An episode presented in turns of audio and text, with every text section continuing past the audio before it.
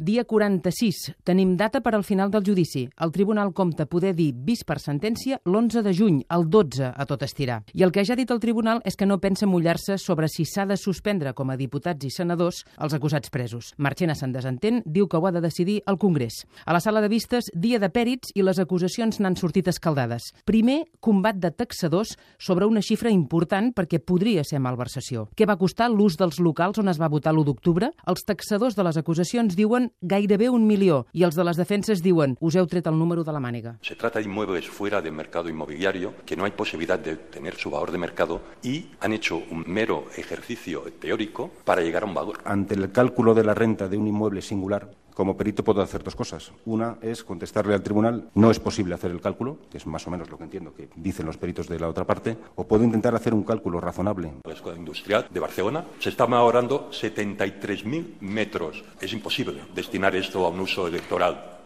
Pongamos que han utilizado 500 metros. De 500 a 73.000, el error es evidente. Insisten en dos, tres, cuatro ejemplos en los que hay una superficie mucho mayor, pero claro, se callan que hay superficies de 11 metros, de 15 metros, y lo sabemos. Es decir, lo hemos asumido. Es decir, los errores por un lado se compensan con el otro. Després, error del fiscal Zaragoza, que porta un guàrdia civil com a pèrit pel document enfocats quan no l'havia citat per això. Les defenses s'exclamen i Zaragoza llença la tovallola. Vistas las dificultades enormes para proseguir con el interrogatorio, el Ministerio Fiscal renuncia a seguir con la declaración. No son dificultades, ¿eh? son obstáculos conceptuales que impiden que la prueba se desarrolle como pretende el Ministerio Fiscal. Després, abast de les lesions dels policies espanyols, dos metges pèrits de les defenses ho dimensionen així. En los 60 informes analizados, en 32 casos no consta ningún tipo de tratamiento recomendado y en 11 casos se recomienda la inmovilización de los dedos de alguna mano. Prácticamente la totalidad de las lesiones son leves. No hemos encontrado ningún caso grave. Ningún caso requirió hospitalización. El moment distès quan una filòloga pèrita de les defenses explica la nota de Mossos que deia l'UO s'ha de celebrar el referèndum es va traduir com se ha de celebrar, com si fos una obligació, i és un error. La traducción ideal sería se va a celebrar el referéndum o se celebrará.